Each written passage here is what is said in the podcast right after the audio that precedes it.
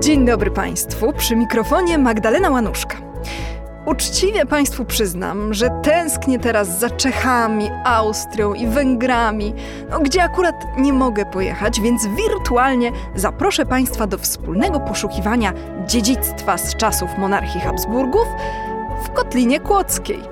Bo tak sobie też pomyślałam, że może nie powinniśmy zadręczać się w obecnej sytuacji rozmyślaniem o tym, co jest poza naszym zasięgiem, a tu jednak w ramach granic naszego kraju, tych obecnych, możemy trochę ciekawej sztuki obcej także zobaczyć, nawet jeśli muzea są zamknięte. A zatem dzisiaj opowiem o tym, kim był Nepomuk, co to była kolumna morowa oraz dlaczego ambona w kościele parafialnym w Dusznikach Zdroju ma kształt wieloryba. Zapraszam do słuchania.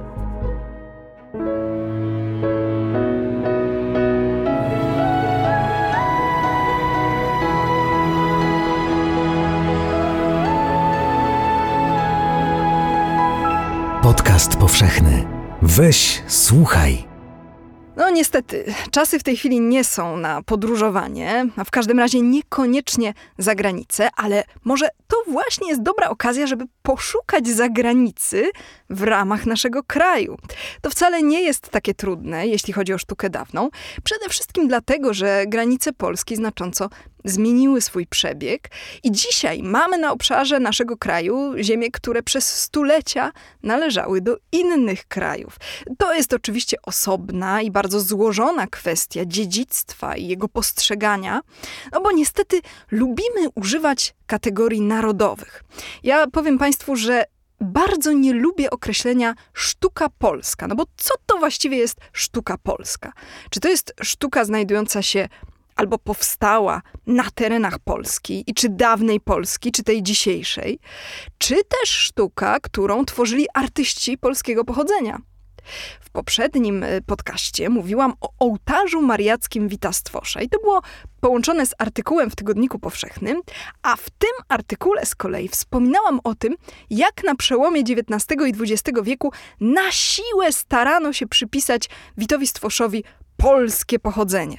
No oczywiście krakowski, późnogotycki ołtarz jest arcydziełem rzeźbiarza z Norymbergi, Artystycznie nie nazwałabym tego sztuką polską, no ale faktem jest, że powstał on w Krakowie i za pieniądze krakowskiego mieszczaństwa.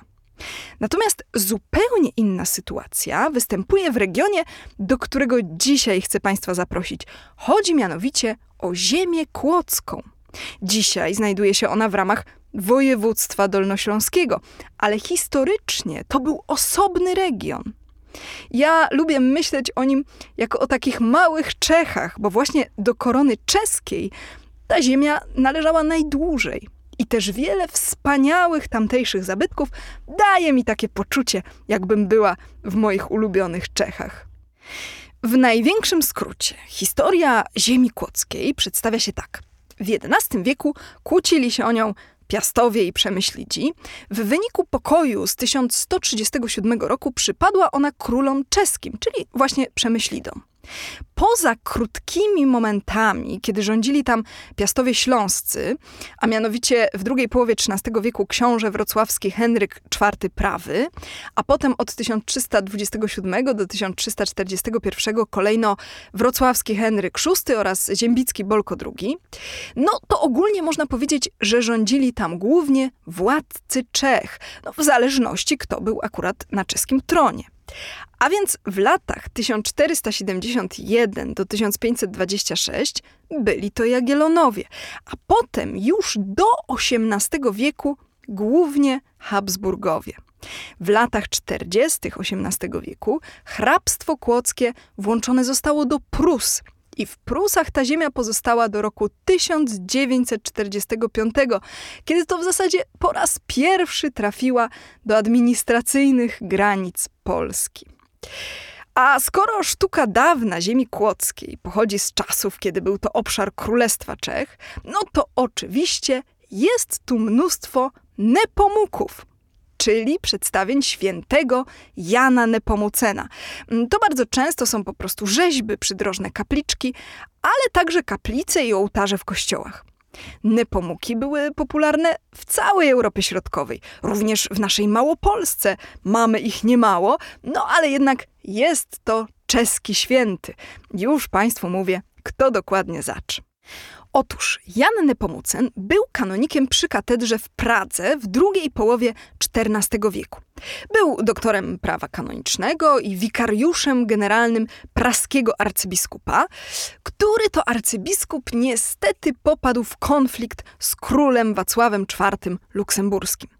Kilka osób z otoczenia arcybiskupa zostało aresztowanych i byli torturowani, ale tylko Jan Nepomucen tego nie przeżył. Jego ciało zostało zrzucone do Wełtawy prawdopodobnie 20 marca 1393 roku. Miało ono wypłynąć, otoczone nieziemskim blaskiem, z gwiazdami wokół głowy, a potem narodziła się legenda o męczeństwie świętego. Już w XV wieku pojawiły się opowieści mówiące, że Jan zginął nie w wyniku rozgrywek politycznych, ale dlatego, że odmówił wyjawienia tajemnicy spowiedzi, a dokładniej miał odmówić samemu królowi, który żądał informacji, czy jego żona go zdradza oraz ewentualnie z kim. Ta legenda o związku śmierci Jana Nepomucena z trzymaniem języka za zębami została wzmocniona w XVIII wieku, kiedy w jego czaszce przy szczękach znaleziono fragment tkanki i uznano, że to cudownie zachowany język świętego. W latach dwudziestych XVIII wieku nastąpiły beatyfikacja i kanonizacja Jana Nepomucena. A chociaż był on otoczony kultem już wcześniej, to od tego momentu nastąpił prawdziwy wysyp nepomuków w naszej części Europy, szczególnie w postaci figur stojących w pobliżu mostów oraz na wałach rzek. Ponieważ święty ten miał być utopiony, to wierzono, że chroni on przed powodzią, że jest w stanie ujarzmić rzekę. Nepomuk jest bardzo charakterystyczny. To kanonik z krzyżem w dłoni, czasem też z palmą symbolizującą męczeństwo. Dość wczesny przykład takiej późno-barokowej figury Jana Nepomucena znajduje się w Dusznikach Zdroju. Jest ona z 1722 roku, czyli powstała po beatyfikacji, ale jeszcze przed kanonizacją świętego. Stoi koło domu pod Barankiem w okolicach Bystrzycy Dusznickiej. Mm, choć była kilkakrotnie przenoszona, pierwotnie oczywiście znajdowała się nad rzeką. Ogólnie na ziemi kłodzkiej jest prawie 300 obiektów poświęconych Janowi Nepomucenowi, a na stronie mojego podcastu już teraz zobaczycie Państwo zdjęcia kilku tamtejszych figur. W poszukiwaniu Janów Nepomucenów polecam Państwu serwis nepomuki.pl, zbierający zdjęcia i informacje o tysiącach nepomuków z całego świata. Sztuka powszechnie nieznana. Opowiada Magdalena Łanuszka. Skoro już jesteśmy w dusznikach zdroju, to w tej miejscowości znajdziemy jeszcze inne ciekawostki artystyczne. Jak w każdym szanującym się po habsburskim mieście, jest tutaj kolumna morowa. Czyli coś w sam raz na teraz. To jest pomnik wotywny związany z zarazą. Kolumny morowe masowo stawiano w XVII i XVIII wieku w miastach i w miasteczkach monarchii habsburskiej. Najczęściej miały one na szczycie przedstawienie Trójcy Świętej lub Matki Boskiej, a u dołu dodatkowych świętych. Ta w Dusznikach jest właśnie Maryjna. Powstała w roku 1725, niemal od razu po poświęconej w tym samym roku kolumnie z czeskiego Chronowa, która mogła być wzorem dla przedstawienia Dusznickiej Matki Boskiej. To tak zwana Matka Boska Zwycięska. Maria depcze węża oplatającego kulę ziemską, a głowa tego węża jest przebijana długim, cienkim krzyżem, przypominającym włócznie, który trzyma dzieciątko Jezus.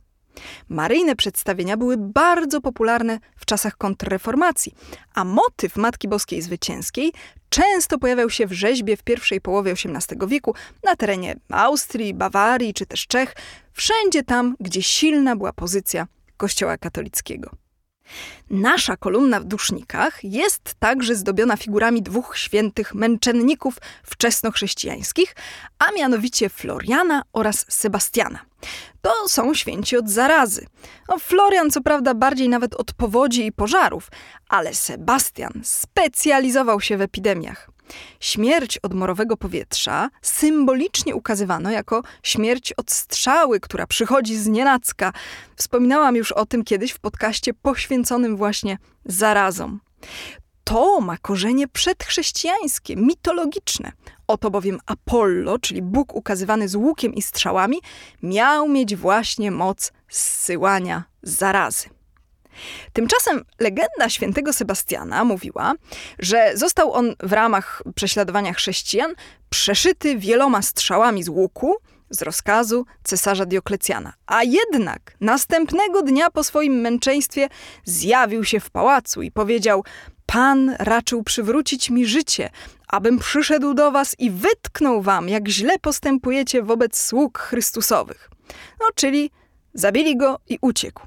Oczywiście potem zabili go jeszcze raz, tym razem skutecznie, ale generalnie chodzi o to, że Sebastian przetrwał te strzały, więc dlatego wierzono, że może też ochronić przed morowym powietrzem. Autorstwo rzeźb y, z kolumny w Dusznikach Zdroju przypisuje się działającemu w Świdnicy rzeźbiarzowi Georgowi Leonardowi Weberowi. Zdjęcie już teraz oczywiście znajdziecie Państwo na stronie mojego podcastu w serwisie Tygodnika Powszechnego. No i jeszcze mam jedną ciekawostkę w tych samych dusznikach, o której chcę Państwu dzisiaj opowiedzieć. Chodzi mianowicie o zupełnie niesamowitą ambonę w kościele parafialnym.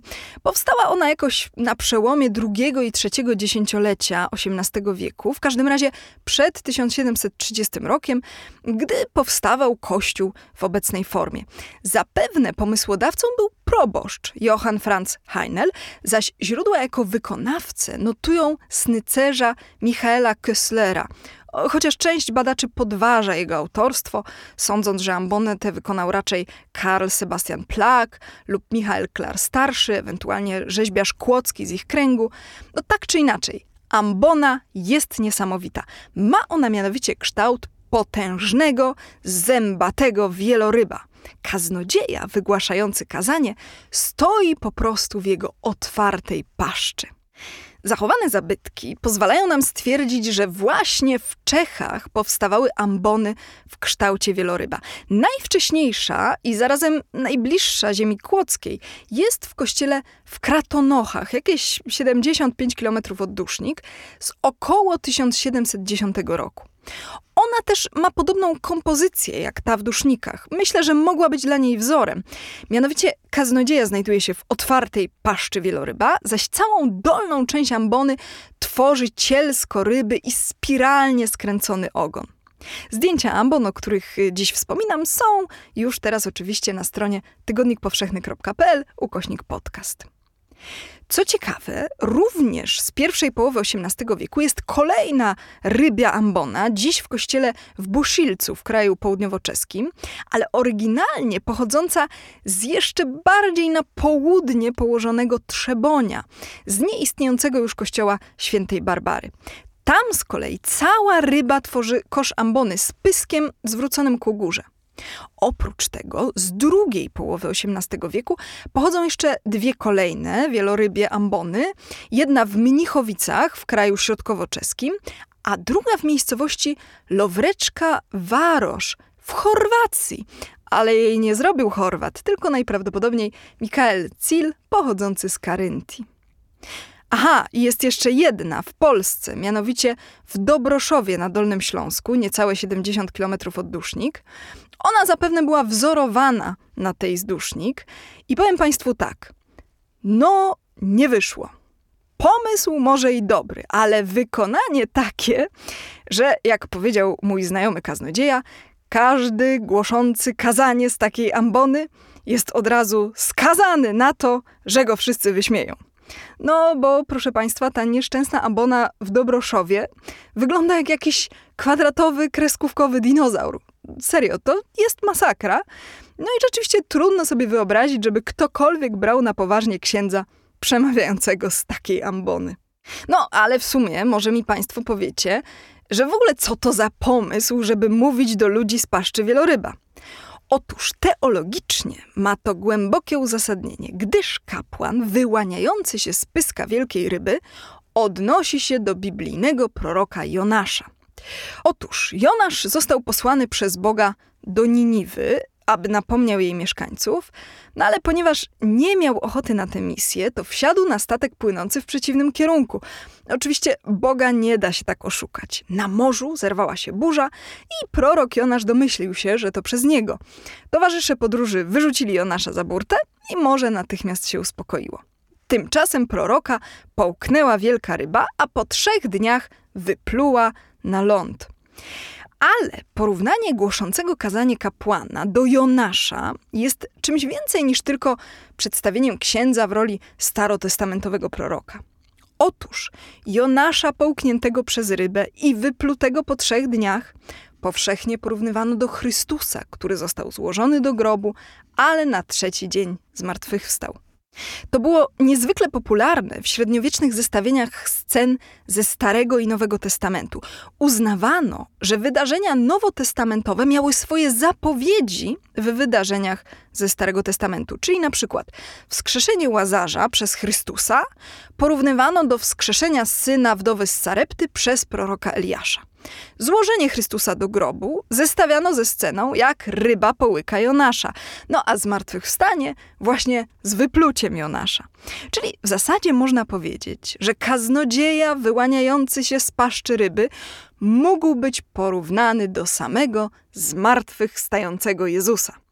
Gdyż no, zaznaczmy to jeszcze dla porządku, z punktu widzenia średniowiecznych bestiariuszy, wieloryb to oczywiście ryba. Ale też, żebyście Państwo nie myśleli, że nie zdawano sobie sprawy z różnic biologicznych między waleniami a rybami. Owszem, zdawano sobie i to już w starożytności. Arystoteles zanotował, że delfiny, morświny i wieloryby mają płuca, są żyworodne, karmią swoje młode mlekiem. Rzecz w tym, że po prostu określenie ryba było stosowane do zwierząt żyjących w wodzie, nawet jeśli były to ssaki. Zmieniły to dopiero XVIII-wieczne nowe klasyfikacje, przede wszystkim mm, te z publikacji Karola Linneusza, ale tradycyjne założenie, że biblijną rybą, która połknęła Jonasza, był wieloryb, no po prostu pozostało.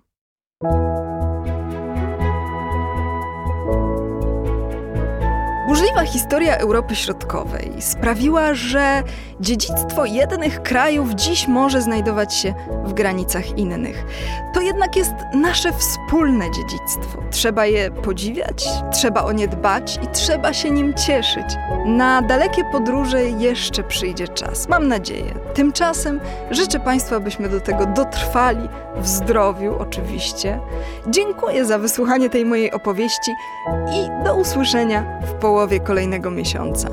Magdalena Łanuszka. Jeśli słuchają nas Państwo w Spotify albo w Apple Podcasts, zasubskrybujcie nasz kanał. Jesteśmy też w Google Podcasts i w aplikacji Lekton oraz na www.tygodnikpowszechny.pl/podcast.